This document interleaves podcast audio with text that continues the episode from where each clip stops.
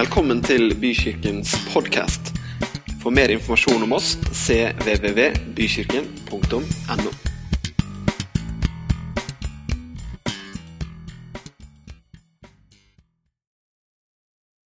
Tusen takk. Veldig flott å være her. Veldig fint å komme hit, kjenne mottagelsen og hilse på masse gamle kjente.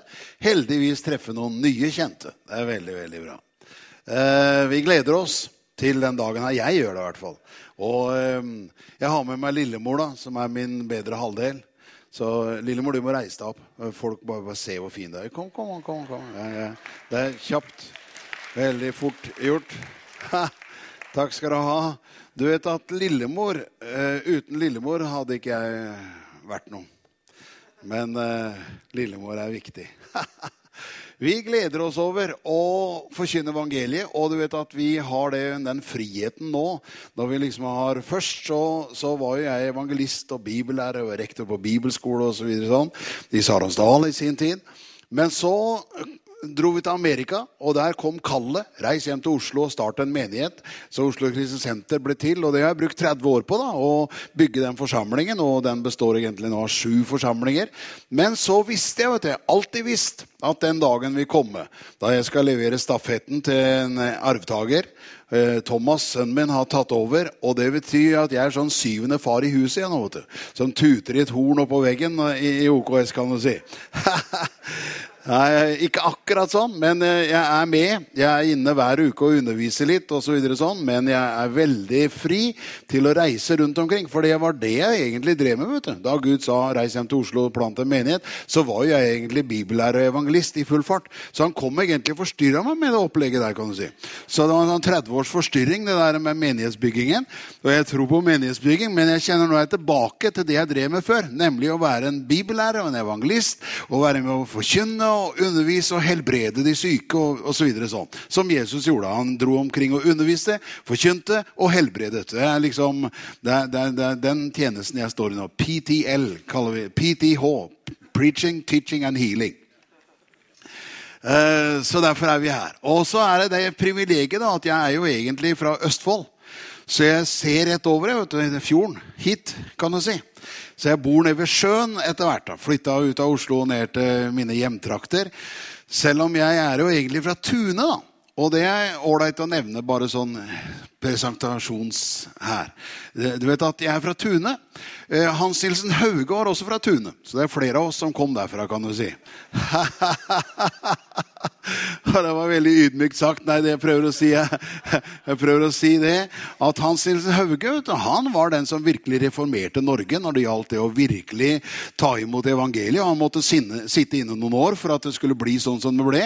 Men han er fra Tune i Østfold. Det er samme bygda som jeg kommer fra. kan du si. Og øh, poenget er at jeg er kommet hjem til mine hjemtrakter for nå å gjøre det jeg skulle gjøre fra start. Nemlig reise rundt, forkynne høyt og lavt. Jeg går ikke rundt og strikker, sånn som Hauge gjorde. Jeg kjører rundt i bil, kan du si.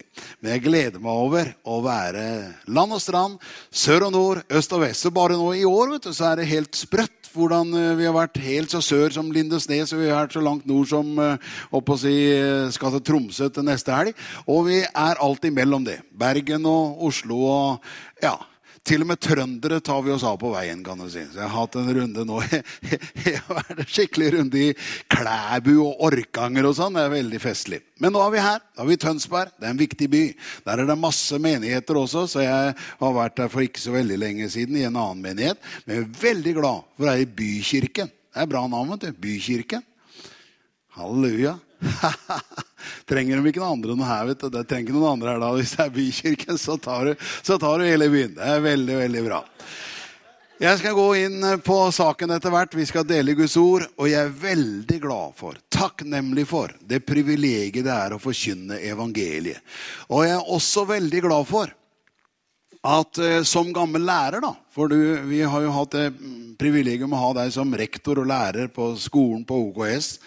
Men jeg er også egentlig lærer fra gammelt av. Det er lillemor også for øvrig. Men vi er, vi er ikke så veldig inne i det faget nå lenger. Men en av de tingene som er viktig for meg vet du, Jeg elska noen fag jeg vet du, når jeg var på skolen. Og jeg vet at For noen så er det trøblete med de faga jeg elska. For jeg elsker sånne fag som matematikk. Og noen får hikke bare de hører matematikk. vet du da. For å gjøre det bedre for deg, så kan du si grammatikk elsker. Eh, Alt som slutter på ikk liksom, og hikk, det, det er bra for meg. Fordi det gjør nemlig at når jeg da leser Bibelen, så kommer vi til saken her. Du vet, Bibelen er en fantastisk bok. En nydelig bok som da jeg var tolv år. Er det noen her som er tolv år? Er det noen her som er rundt tolv år? Sitter noen på andre benk der som er i, kanskje 13-14? 11, ja. Til neste år blir det 12. 3. januar? Ja, Det er ikke lenge til. vet du. Det er ikke lenge til. Da jeg var tolv år, nemlig, så ble jeg veldig sulten på Bibelen. Det er Interessant, vet du, for jeg, jeg var vokst opp i et kristent hjem. De, de leste Bibelen og alt sånn, og jeg gikk på søndagsskolen, og jeg hadde da en sånn barnebibel. Som er fin. Veldig fin, med bilder i og alt mulig. Men jeg visste det, vet du, at de voksne hadde liksom en ordentlig bibel. Eh, Så jeg gikk til faren min etter hvert og sa det, jeg har lyst på en ordentlig bibel, sånn som dere har. Og Carl, som faren min het, da, eh, han sa det. Det er bare ålreit for meg å kalle han Carl, skjønner du, for det var- det det han het. Faren min het Carl, og mora mi het Gerda. Og Carl og Gerda, du, det er, det er klart, det er viktige mennesker i mitt liv. Og jeg sa til Carl da, at um, jeg ønsker meg en ordentlig bibel, sånn som dere voksne har. For jeg var på møter og så at de hadde liksom en annerledes bibel enn den barnebibelen som jeg hadde med alle bildene i. og sånn. Så han sa ja, det er klart, det kan vi skaffe deg. Sånn. Bibel kan du få. Så egentlig kan du få en med en gang. Sant? Fordi det var nemlig sånn at farssiden i familien min Jeg skal ikke gå i alle detaljer, jeg kommer snart til saken her. eh, Men farssiden i familien min er båtbyggere, og morssiden er stenhoggere. Og det vil si at eh, vi har bygd mye båter, vært mye i Tønsberg med båter. ute. Mange i Tønsberg som kjøpte tunejoller og forskjellig sånn, som vi lagde hjemme i familien vår. Men eh, så på morssiden så var de stenhoggere. Og de stenhoggerne de var veldig mange svensker som kom over grensa fra Sverige til Østfold for å hogge stein. Og du lurer på hvor skal du hen, Åge? Jeg skal fram til det. At de stenhoggerne var også frelste, mange av de. Mange av de var troende. Og de hadde med seg bibler, da, vet du. Og så var det sånn at de hadde glemt igjen en del bibler, for de hadde, med, de hadde flere enn én en bibel. Det er ofte sånn med sånne folk som meg. vet du, Vi har mange bibler. Flere bibler. Så, så Carl, altså det er faren min, da, du begynner å bli kjent med han nå, han sa til meg du kan ta en av de svenske biblene som ligger her, sånn. for det fins bibler etter svenskene. Ta en av de, så har du en bibel imens, så skal du få en ordentlig bibel av oss etter hvert her. Og de kjøpte bibel til meg, men jeg er veldig glad jeg begynte å lese Bibelen på svensk. Fordi Gud er god. og. Han visste at jeg en dag skulle preke mye i Sverige. Og jeg har prekt mye i Sverige, og de skjønner ikke norsk. skjønner de i Sverige. Hvis det er noen svensker her, så er det ikke for å fornærme deg. Det er bare ren eh, generell informasjon. At eh, svensker forstår ikke norsk, kan du si.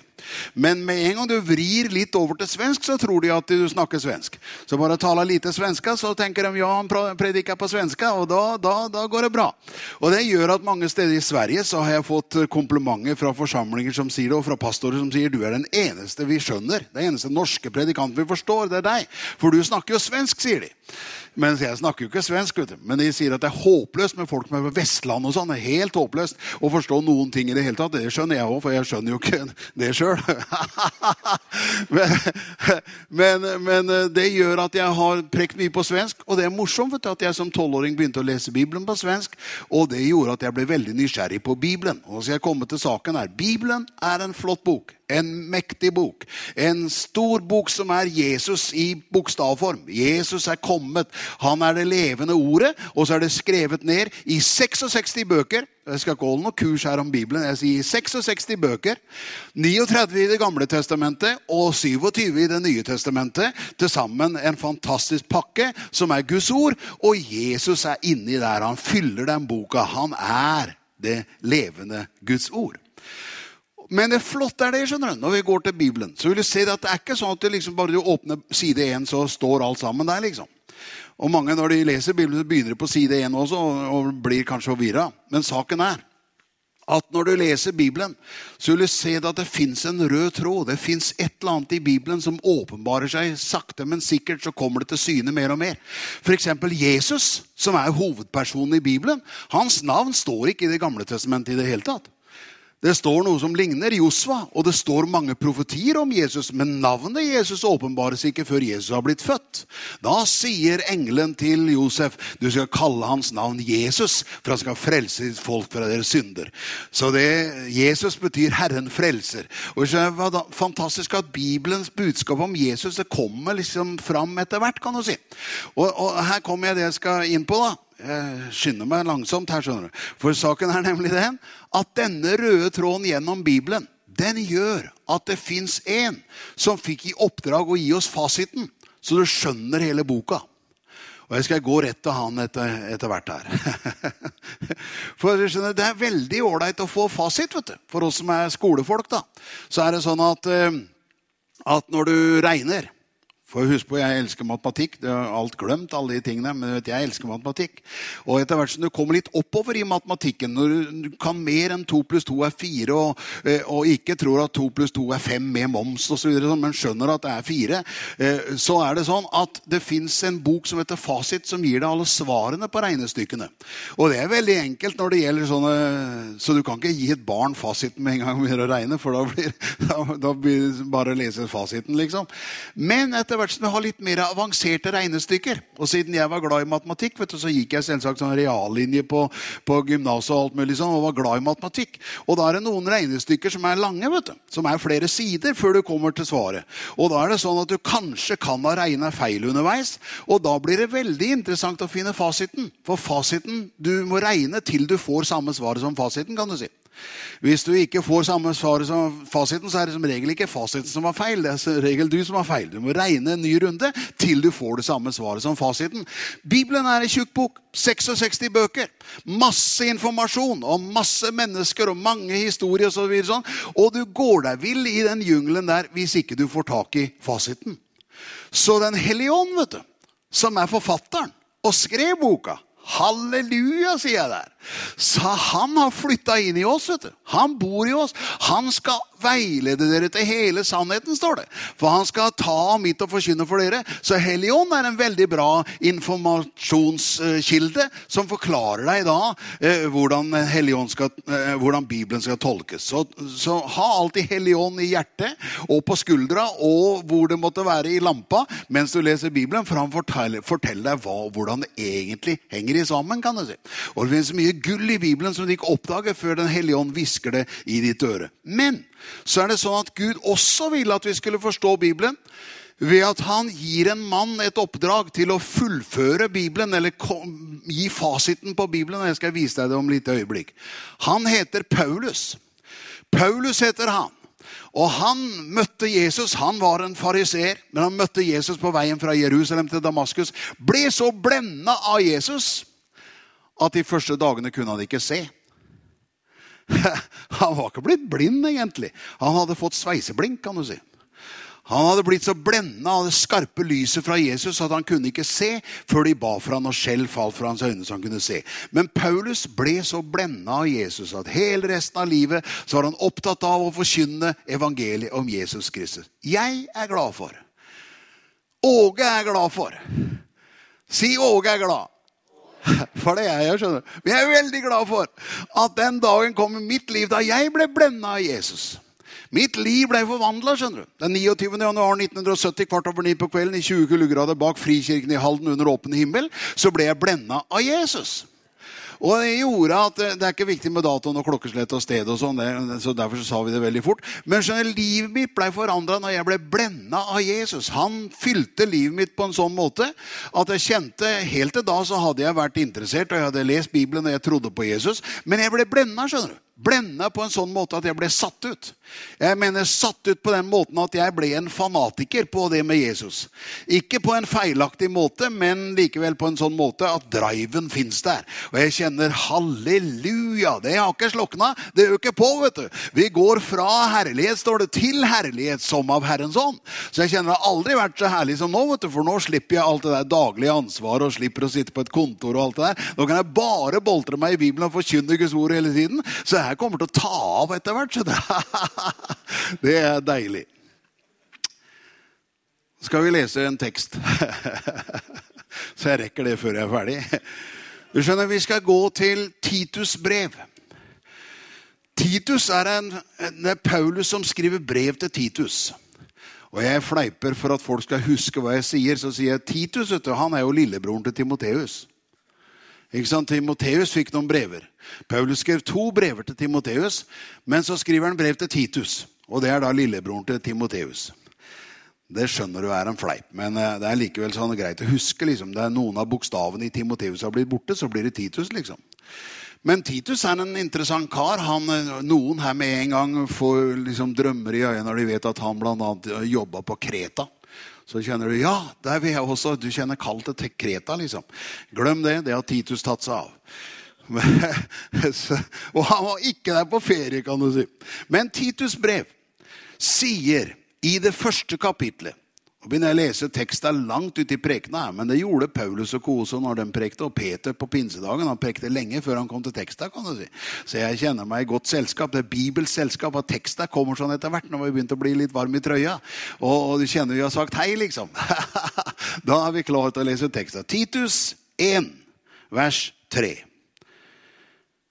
Han sier, Tim, Timoteus sier til Titus, nå til fastsatt tid. Så det er interessant at det er en timing her. Til fastsatt tid så har han åpenbart sitt ord.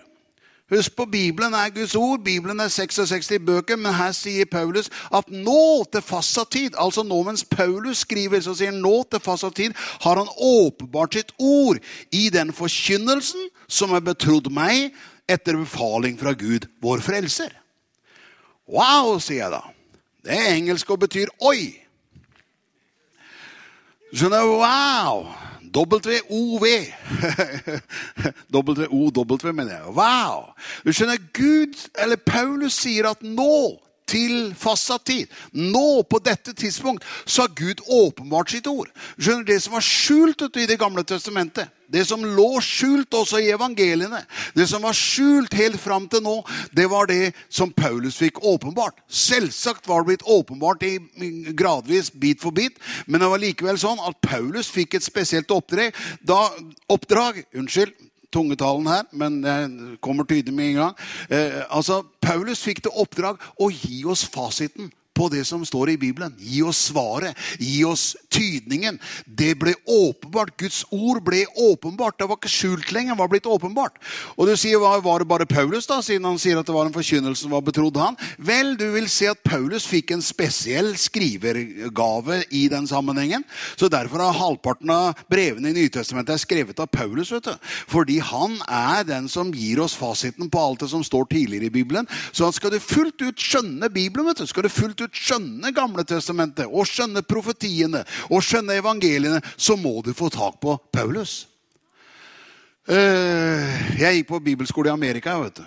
Og Noe av det de var blant annet veldig opptatt av, det kalte de for The Pauline Revelation. På norsk betyr det den paulinske åpenbaring. Vil si den åpenbaringen som ble gitt Paulus. Og la oss se litt på det. At det var ikke bare Paulus, selvsagt. Det var sånn at alle de nytestamentlige predikantene hadde fått sett det lyset her. Så derfor leser jeg et vers til da, for å trøste deg litt, du som kjente at jeg var i ferd med å bli en Paulus-fanatiker. Så bli med til Fesebrevet, kapittel 3, vers 3-5. Går det bra med deg, forresten? Ja, For jeg vil jo ikke preke deg i senk, jeg vil preke deg opp. jeg vet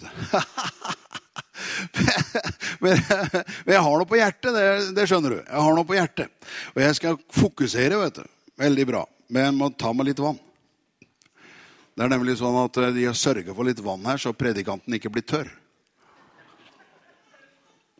Skummelt med tørre predikanter, vet du. Og veldig lenge var det sånn i mitt liv at jeg hadde vann, men jeg drakk aldri av det.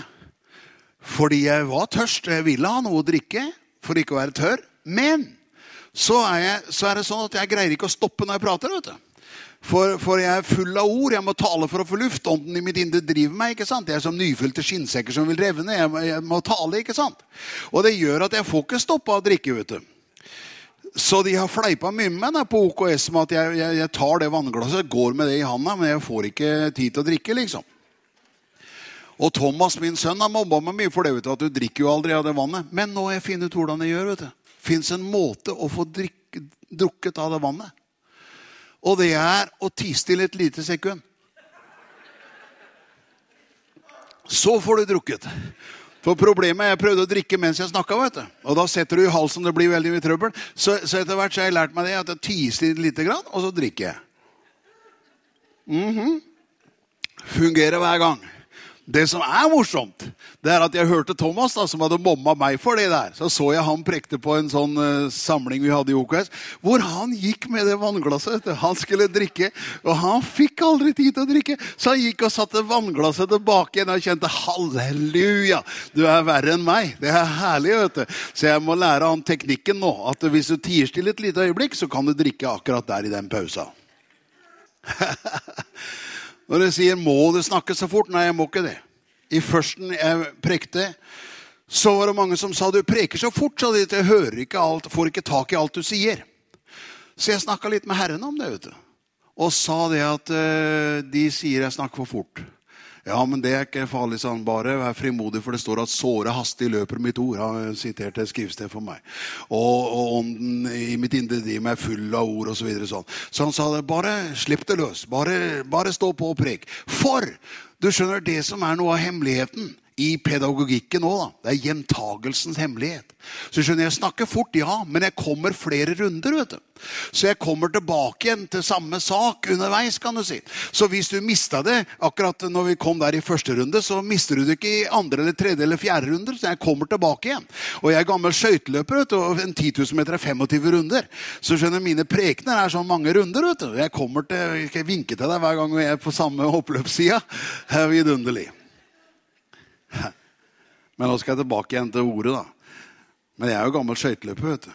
Så jeg har vært i Tønsberg lenge før jeg dro på møter. Og vært og gått på skøyter på Tønsberg stadion. Så jeg har vært eh, gammel skøyteløper. Jeg er fortsatt skøyteløper. Ikke spør meg mer rundt det. Vi leser Efeserbrevet 3, vers 3-5. Der sier Paulus ved åpenbaring har han kunngjort for meg mysteriet, sier han, eller hemmeligheten, slik jeg ovenfor har skrevet med få ord. Altså ovenfor, det vil si kapittel 1 og 2. For her er han i kapittel 3. Når dere leser det, vil dere kjenne min innsikt i Kristi hemmelighet, eller Kristus-mysteriet, står det i en oversettelse her, men Kristi hemmelighet. Den var tidligere, i tidligere tidsaldre ikke gjort kjent for menneskenes barn, slik som den nå er blitt åpenbart for hans hellige apostler og profeter ved ånden. Så det vil si, det var skjult tidligere, og så ble det åpenbart i den generasjonen Paulus levde. For det, det, var etter pinsedagen, og da ble Bibelen skrevet ned. Sånn at vi kan skjønne alt det som var før, og få da en hel pakke av Bibelen, både Gamle og Nye testamentet, og skjønne det at nå er det blitt åpenbart. Det har blitt åpenbart ikke bare for Paulus, men for hans hellige apostler og profeter ved ånden. Nå skal jeg sette opp farten litt og gå til punkt to. For det var punkt 1, Titus 1.3. Punkt 2. Her kommer evangeliet, det som Faulus fikk åpenbart. Her er, her er essensen av det. I Titus 2, vers 11 og 12. Heng på. For skjønner Noe av hemmeligheten med Det nye testamentet, noe av hemmeligheten med Jesus, det er nåden. Han kom med nåden, skjønner du. Loven ble gitt ved Moses. Nåden og sannheten kom ved Jesus Kristus. Og nå skal vi se hvordan Paulus han hadde virkelig skjønt Guds nåde. Han trengte det sjøl, og han forkynte Guds nåde. Og han sier her i Titus 2 og i vers 11 og 12. For Guds nåde er åpenbart til frelse for alle mennesker. Wow, sier jeg da igjen. Det er engelsk og betyr 'oi'. Det har du lært nå. Holder et kurs i løpet av dagen her, vet du. Du skjønner, Wow! Du skjønner, Guds nåde er åpenbart til frelse for alle mennesker. Det er vers 11. Jeg skal lese vers 12 for deg straks, men skjønner, vers 11 sier Guds nåde er åpenbart til frelse for alle mennesker. La oss tygge litt på den. La den synke. Guds nåde har egentlig frelst alle mennesker i hele verden. På korset så frelser Jesus alle mennesker i hele verden. Han tilgir all verdens synd. Store synder, små synder. Pene syndere, fæle syndere. Alle sammen får nåde fra Gud på korset. Han tar bort all verdens synd. Det er voldsomme greier. Kolossale greier. Men ja, men er hele verden frelst, da, sier du? Nei, du kan si det er sånn at Gud har fra sin side rakt ut hånda og skapt frelse for alle mennesker. Men så må det budskap forkynnes, for folk må jo ta imot det. Det er sånn at alle dem som tok imot ham, ga han retten til å bli Guds barn. Men Jesus kom som Guds gave. Han er en Guds gave til alle mennesker. Og alle som tar imot ham, de blir født på ny. De blir Guds barn. Men fra Guds side så er gaven levert. Fra Guds side er frelsen levert. Han har tilgitt alle syndere alle deres synder. Det vet de ikke. vet du. Det må vi ut og fortelle folk. kan du si. For folk går rundt og har hva skal jeg si, dårlig samvittighet. De tror at de er skyldige for alle syndene sine. Men saken er at, at frelsen eh, Eller eh, Altså eh, Paulus sier, eller Jesus sier det i Johannes 16, vers 9. Så sier han synden er sier han, at de ikke tror på meg. Skjønner, Alle andre synder har Jesus tatt på korset. Det eneste som står igjen, det er hvis man ikke da tror på det. Hvis man ikke tror på Jesus, ja, da er man fortsatt i sin synd. Men hvis man tror på Jesus, da blir man frelst. Tro på Herren Jesus, så blir du frelst. Skjønner, Synden er at de ikke tror på meg. Så det betyr at Jesus kom og sonet all verdens synd. Jeg vet at nå snakker jeg fort, men det gjør ikke noe, for jeg kommer en runde til, vet du. Kommer til å bli en lang preken, sier du. Ja, det får du vente til å finne ut når vi er ferdig. For den skal ikke bli veldig lang det jeg satte av farten nå. vet du. Holder veldig stor fart nå på andre runden her sånn. Og jeg går fortere og fortere dess lenger ut i løpet vi kommer. Men se her. Titus 2,11. Han At, at, at um, Guds nåde er åpenbart for, til frelse for alle mennesker. Så kommer vers 12. Skjønner, denne nåden, står det. I noen oversettelser står det nettopp det at denne nåden Her står det den, den, altså nåden, oppdrar oss, eller opptukter oss, til å fornekte ugudelighet og verslige lyster, og til å leve sedelig og rettferdig og gudfryktig i den verden som nå er. Det er god informasjon å få. For det er mange som har kritisert oss som preker nåde. vet du. Og så er det farlig å preke så mye nåde, for folk da, da, da, da, lever de som de vil. Nei, stemmer ikke. Denne nåden oppdrar oss. Denne nåden opptukter oss. Det er noen som tror at det er loven som skal oppdra deg. Nei, nei. loven oppdrar deg ikke i hele tatt. Loven gjør det verre enn noen gang. Eh, ved loven blir synden levende, kan du si. Nei, nåden oppdrar deg. Nåden er den som får skikk på deg. skjønner du. Så du må ikke være redd for å gi, vise mer nåde. For det er nemlig sånn at Guds godhet, Guds nåde, den oppdrar deg til å leve gudfryktig i denne verden. Så nåden frelser deg, ja. Men mer nåde oppdrar deg til å leve et kristent liv, kan du si. Du, det Kristen oppdragelse er vel noe Guds nåde. Guds nåde oppdrar deg til å leve gudfryktig i den verden som nå er. Det lyset er jeg kommet for å gi deg her i formiddag. Det kanskje det viktigste jeg sier i hele formiddag, er det, vet du. At skal skjønne skjønne at nåden den er der for å få skikk på deg. vet du. Nåden. Du tenker ja, men nåde Jeg trenger ikke enda mer nåde. Jo, du skjønner det står om nåde over nåde. Nåden etter nåde står det også, kan det tolkes. Nåden står i kø. skjønner du. Det er nåde som frelser, så er nåde som oppdrar, så er nåde som gjør at vi blir fylt, for av hans fylde har vi alle fått. Og det er nåde over nåde. Så det er nåde, og så er det nåde oppå nåden, og så er det nåde over der igjen. Du skjønner, Guds nåde den trenger vi ubegrensa av. Det er nåde for, for, livet, det er nåde for evigheten, det er nåde for frelse. Det er sånn at til og med nåde i tjenesten. Så Paulus som sto på så kraftig som han svar, vet du, så sier han dog ikke jeg, sier han. For han var ivrig. vet du. Det er ikke meg, men det er Guds nåde som er med meg. Det er nåden, vet du. Hele veien er det nåden. Den dag du oppdager nåden, så oppdager du Jesus, for han er full av nåde og sannhet. Halleluja. Du kan smile forsiktig til noen hvis du har lyst til det. Du kan smile forsiktig for deg sjøl hvis du vil det.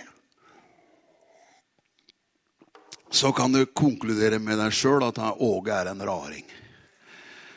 Det er også sant. Det er derfor lillemor liker meg så godt. Skjønner, Guds nåde er åpenbart til frelse for alle mennesker. Derfor er det sånn at vi må ut og fortelle verden det, for de vet ikke det. vet du, At Jesus Kristus, står det i Johannes brev, at han er en soning for våre synder. Og det er klart, for oss frelste så skjønner vi det. Men så står det han er en soning for våre synder. Dog ikke bare for våre, men for hele verdens. Det vet ikke verden, vet du. Det har ikke Kirken vært god til å fortelle verden at syndene deres er tilgitt. Nei, nei, nei. De har som regel løfta pekefingeren mot verden og fortalt dem om alt det gærne de gjør. Men saken er de trenger å høre om Guds nåde. At ved Guds nåde så har han tilgitt alle menneskers synder. Det er ikke bare våre synder han har tilgitt. Han har sonet synden for alle mennesker. Og det er det som gjør at mennesker som lever i synd og som lever i elendighet, kan bli forvandla pga. den nåden. Det var det som gjorde at Paulus ble til og med ny. Det var det at nåden traff han, vet du. Nåden møtte han personlig. Mister nåde kom og blenda han. Og Paulus blei shaka i grunnvollene i sitt liv. Ok, dok. Så nåden tilgir, nåden frelser. Nåden oppdrar oss til et nytt liv. Det er Guds godhet som driver oss til omvendelse. Var det noen som tenker at ja, folk må jo omvende seg? De trenger å høre loven for å omvende seg. Feil. Det er feil. Fasiten sier feil på det. skjønner du. Det er ikke sånn at loven får deg til å omvende deg. Nei, Loven bare gjør synden enda mer levende. Det som får deg til å omvende deg, er Guds godhet. Du skjønner, Guds godhet, Rombrevet 2,4, Guds godhet driver oss til omvendelse. Gud er så god at når du ser hvor god Gud er, så kjenner du hjertet ditt smelter, og du omvender deg og kjenner ja, jeg vil ha Guds nåde. Halleluja, hva glad jeg er at jeg møtte den nåden en dag. For jeg hørte mye forkynnelse av alle slag. Men jeg er glad for jeg fikk en dag møte Guds nåde. Halleluja. Ja, jeg skjønte det. Og den, det her er nåde over nåde. Det er å fylle opp glasset på nytt igjen. det er veldig bra. Mm. La oss se litt mer. Titus 2 er vi, vet du. Bli med til vers 14. For vi driver og ser på lillebroren til Timoteus som får et brev fra Paulus. Hvor det står da i vers 14 det står, Han ga seg selv for oss, står det. For å løse oss ut fra all lovløshet og rense for seg selv et eiendomsfolk som med iver gjør gode gjerninger. Oi! Igjen. Du skjønner? Gud i sin nåde fyller oss med noe som gjør vi blir ivrige vet du, på å gjøre gode gjerninger. Ikke gode gjerninger for å bli frelst. Nei, nei. Motsatt. Det er sånn vi har blitt frelst. Og det gjør at da begynner vi å gjøre gode gjerninger. Vi er et folk som Gud reiser opp, som med iver gjør gode gjerninger. Vi bygger forsamling, vi hjelper mennesker, vi ber for mennesker, og vi gjør alt det gode som Gud legger i vår vei. Gjerningene ligger ferdig for at vi skal vandre i dem. Det er også nåde. Det ligger ferdig et løp for oss. vet du. Det er interessant at det ligger en løype ferdig og venter på deg når du vandrer fram. Det ligger gjerninger, og du kan gå inn i dem step by step by step. Punkt tre. For Åge har alltid tre punkter. Innledning, tre punkter og avslutning. Innledning var at jeg er fra Tune. Innledningen var, innledningen var at jeg er egentlig ja, i slekt med Hans Nilsen Hauge. Det er jeg ikke. Det var ikke helt sant. Men jeg er fra strøket, kan du si. Eh, så var det punkt én. Guds nåde er åpenbart til frelse for alle mennesker. Denne nåden oppdrar oss, osv. Så sånn. Og det er det vi driver og snakker om nå. At nåden, den oppdrar. Den har oppdratt oss. Den får skikk på oss. Så går vi til punkt tre. For du skjønner, det står mer i Titus brev, og da skjønner du at det kommer i Titus 3. Ikke sant? For jeg var i Titus 1 om at Guds ord var blitt åpenbart. Titus 2 om Guds nåde. Titus 3, la oss se litt mer om denne fantastiske denne evangelieåpenbaringen. Titus 3, vers 4-7. Og det er det siste jeg skal dele med deg. Og når jeg begynte, det husker jeg ikke, for jeg så ikke på klokka. Og så vet jeg ikke når jeg slutter, for jeg, er som Melkisedek. Jeg har ikke dagers begynnelse og ende. Men er og blir til evig tid. ok? Så, så Titus 3 sier i vers 4 Der står det Men da Guds, vår frelsers godhet og kjærlighet til menneskene ble åpenbart, så er det vi driver og snakker om. Guds godhet, Guds kjærlighet ble åpenbart. Kjærligheten til menneskene. Da frelste han oss. Ikke på grunn av rettferdige gjerninger som vi hadde gjort, men etter sin miskunn. Ved badet til gjenfødelse og fornyelse ved Den hellige ånd, som han rikelig har utøst over oss ved Jesus Kristus, vår frelser, for at vi, rettferdiggjort ved Hans nåde, skulle bli arvinger til det evige liv som vi håper på. Hør her. Det står her at Guds godhet, Guds kjærlighet ble åpenbart.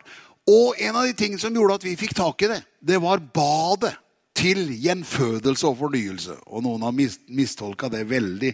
Tror det snakker om dåp osv. Som det står her hva slags bad det er. Det er et bad som er utøst over oss ved Den hellige ånd, står det. Skjønner, Gud øser ut over oss et helligåndens bad som gjør at vi lever et liv med Gud. Um, du vet, Jeg vet ikke hva slags bad du liker å ta. Uh, men jeg elsker å dusje. Det er fordi jeg ofte er svett. det er helt greit med karbad, kan du si. Men det er klart, da ligger du der og svømmer i din egen gjørme, kan du si. Det er helt greit. altså Jeg har hatt boblebad. Jeg, for at uh, når jeg mye, var ute og trente mye, så var det veldig deilig å ligge der i boblebadet og koke. liksom. Men saken er at da ligger det jo egentlig i samme gørra. da kan du si. Mens dusjbad, vet du, der er det stadig friskt vann. Det er stadig nytt vann. kan du si. Så jeg dusjer stort sett hver dag, og noen ganger flere ganger om dagen. Jeg elsker å dusje. Ikke fordi jeg liksom er Hva, er, hva skal jeg si? Eh, det har ikke tilta når det gjelder å dusje, kan du si. Men det har blitt sånn at jeg elsker den formen for bad. At der øses det over deg et bad. For du skjønner, det gjør at ja, det er deilig å dusje. Jeg har dusja i dag, vet du, for jeg starter dagen med en dusj, kan du si. Men det som er sterkere, er det at Gud har i sin nåde øst utover oss et bad. Et dusjbad vet du, fra himmelen, som er et bad av Den hellige ånd. Hellige ånd er øst over deg. Jeg husker eh, Og nå, nå begynner jeg å leite etter en landingsstripe. For jeg skal jo ned igjen fra den flyturen her. Det er en flyplass oppe i strøket her, er det ikke det? Jo. Torp. Der kommer jeg ikke til å lande. Men jeg skal lande her etter hvert. Men hør her. Skjønner, jeg har fire barn. Fantastisk, vet du. David, Øyvind, Thomas, Madeleine. Og David vet du, var eldste sønn da han var liten. For vi har alle vært små en gang. vet du så husker jeg et møte hvor han satt og stirra opp i taket noe voldsomt. Og det, unger de gjør jo mye herlig. Det er vidunderlig. Så, men David han drev og kikka og kikka og kikka. Og når, når, møtet var slutt, så sa jeg, 'Hva var det du kikka så fælt på i møtet?' 'Jo', sa han, 'jeg så bak deg' så kom det ned et eller annet sånn, som, som, som, som, kom ned sånn fra himmelen bak deg. Og jeg tenkte han hadde sett eh, det var en sånn snor i lufteluka på veggen i det lokale hvor jeg prekte. Så jeg sa, mener du en snor? Sånn, nei, nei, nei, sa han. Ikke det. Jeg snakker om det der som kom ned i lufta. Som gjorde at det så ut som det regna bak deg, sa han. Så det sto liksom i et slags regnevær. Det er nettopp det det er. Helligånd skjønner du, er et bad som har øst ut over oss.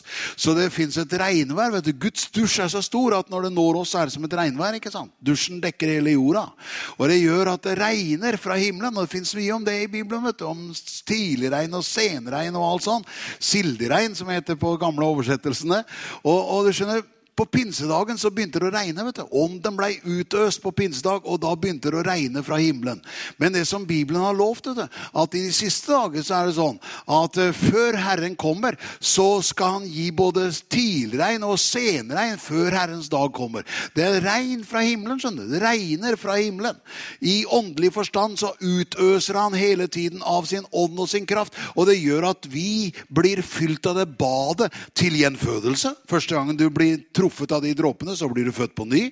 Men så blir du til gjenfødelse og fornyelse ved Den hellige ånd, som han rikelig har utøst over oss ved Jesus Kristus, vår frelser. Så det er herlig, vet du. For at vi rettferdiggjort ved Hans nåde skulle bli arvinger til det evige liv. Hør her. Nå driver jeg lande. Nå ser jeg landingsstripa. Jeg vet hvor jeg skal lande hen. Hør her. Gud har øst ut over oss et bad av Hellig ånd. Det lever vi i. Det regner. skjønner du. Det fins en dusj fra himmelen som står på. Det går an å få leve et vått liv. vet du. Ikke tørt. Herlig. vet du. En ting er at du får liksom glass med vann og sånn. Det er deilig, det. Og mm, nå, nå holdt det nesten ikke, for jeg holdt på å prate mens jeg drakk. Så det er greit nok. Men det er fantastisk at det regner et helligåndens liv fra himmelen som gjør at vi kan leve et friskt liv. En stadig fornyelse, en stadig strøm. Du bør ikke liksom leve på nåden fra i går, for du kjenner at det er en ny nåde for hver dag. Faktisk er det sånn at hver morgen er det en ny nåde. Og det er fantastisk at nåde er ny hver morgen.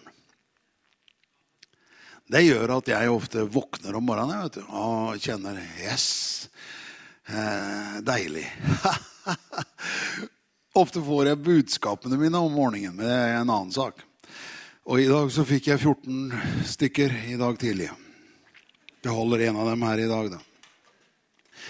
Men det er deilig å kjenne det. Det står på, vet du. Dusjen står på. Fra himmelen så strømmer det. Guds velsignelse strømmer der. Du kan få kjenne det regner.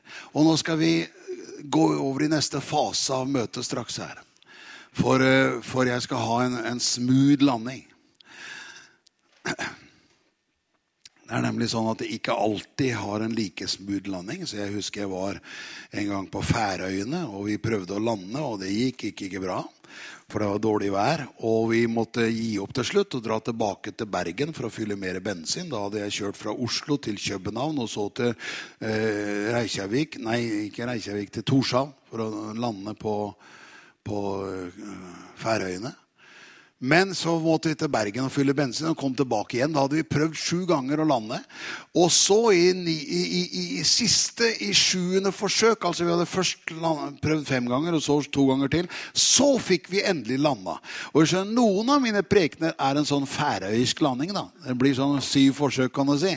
Jeg har prøvd å gå inn for landingeren, og har flapsen ute og driver og lander, men så går det opp igjen, liksom.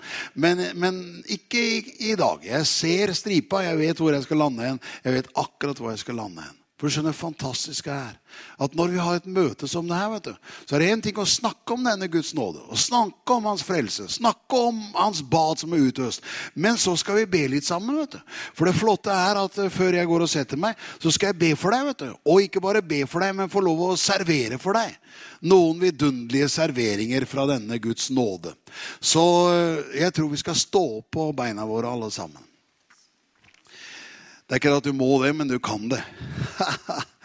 og det er fint vet du, at uh, vi kan ta fram instrumentene og alt det der. Men det fantastiske er at i dag, på dette møtet denne formiddagen, så kan du få smake og kjenne Gud er god. Han frelser, han renser, og han fyller vet du, med sin godhet og sin kraft. Han helbreder. Jeg er glad for det at uh, at jeg stadig får se det. At Guds nåde har ikke slutta å helbrede. Han er fortsatt en frelser. Han er også fortsatt en helbreder, og folk blir satt fri ved hans helbredende kraft. Eh, halleluja. Vi synger et vers eller to sånn at vi, vi, Ja, vi gjør det. Led oss an i litt sang. Bare kjenn det at du kan få Kan få Få gi Herren ære og pris. Halleluja.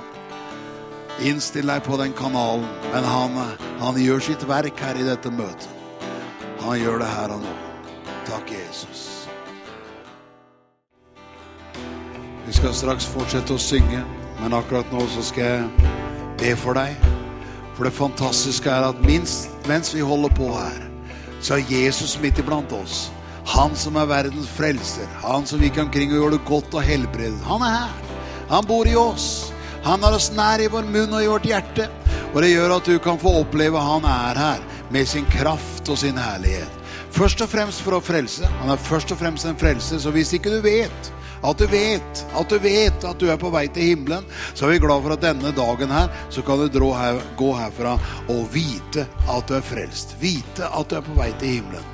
Men så er vi også glad for at du kan få kjenne hans fylde. Av hans fylde har vi alle nådd fått nåde over nåde. Og så er jeg glad for at han vil røre ved deg, så du blir møtt på det med løst fra problemene dine og plagene dine, opplev at Jesus er fortsatt en undergjører. Han er fortsatt en helbreder. Han er fortsatt her i sin kraft. Og vi skal først helt enkelt be sammen. Hvis du trenger fred med Gud, hvis du trenger også helbredelse for din sykdom, hvis du trenger å bli fylt av Jesus, så legg hånda di over brystet. Og så kan du løfte den andre hånda til Herren, og så skal vi be sammen her. Og du skal få kjenne Han er her med sitt liv, med sin kraft, med alt det han er. Herre, jeg takker deg, for du er her i vårt møte. Du skal la mennesker få smake og kjenne. Du er god, Jesus. Du er bare god. Og vi lover deg, for din godhet er åpenbart. Din godhet er utøst. Din godhet er virksom her og nå, Herre. Takk for mennesker skal gå hjem fra dette møtet og vite at de er blitt frelst. Vite at de er blitt Guds barn, fordi du er nemlig en frelser. Og de skal gå herfra helbredet berørt, forvandlet, fordi du er så god, og du lar ditt bad regne over oss i hele din herlighet, Herre. Vi priser deg. Vi elsker det. Vi fryder oss over det. I Jesu navn. Halleluja.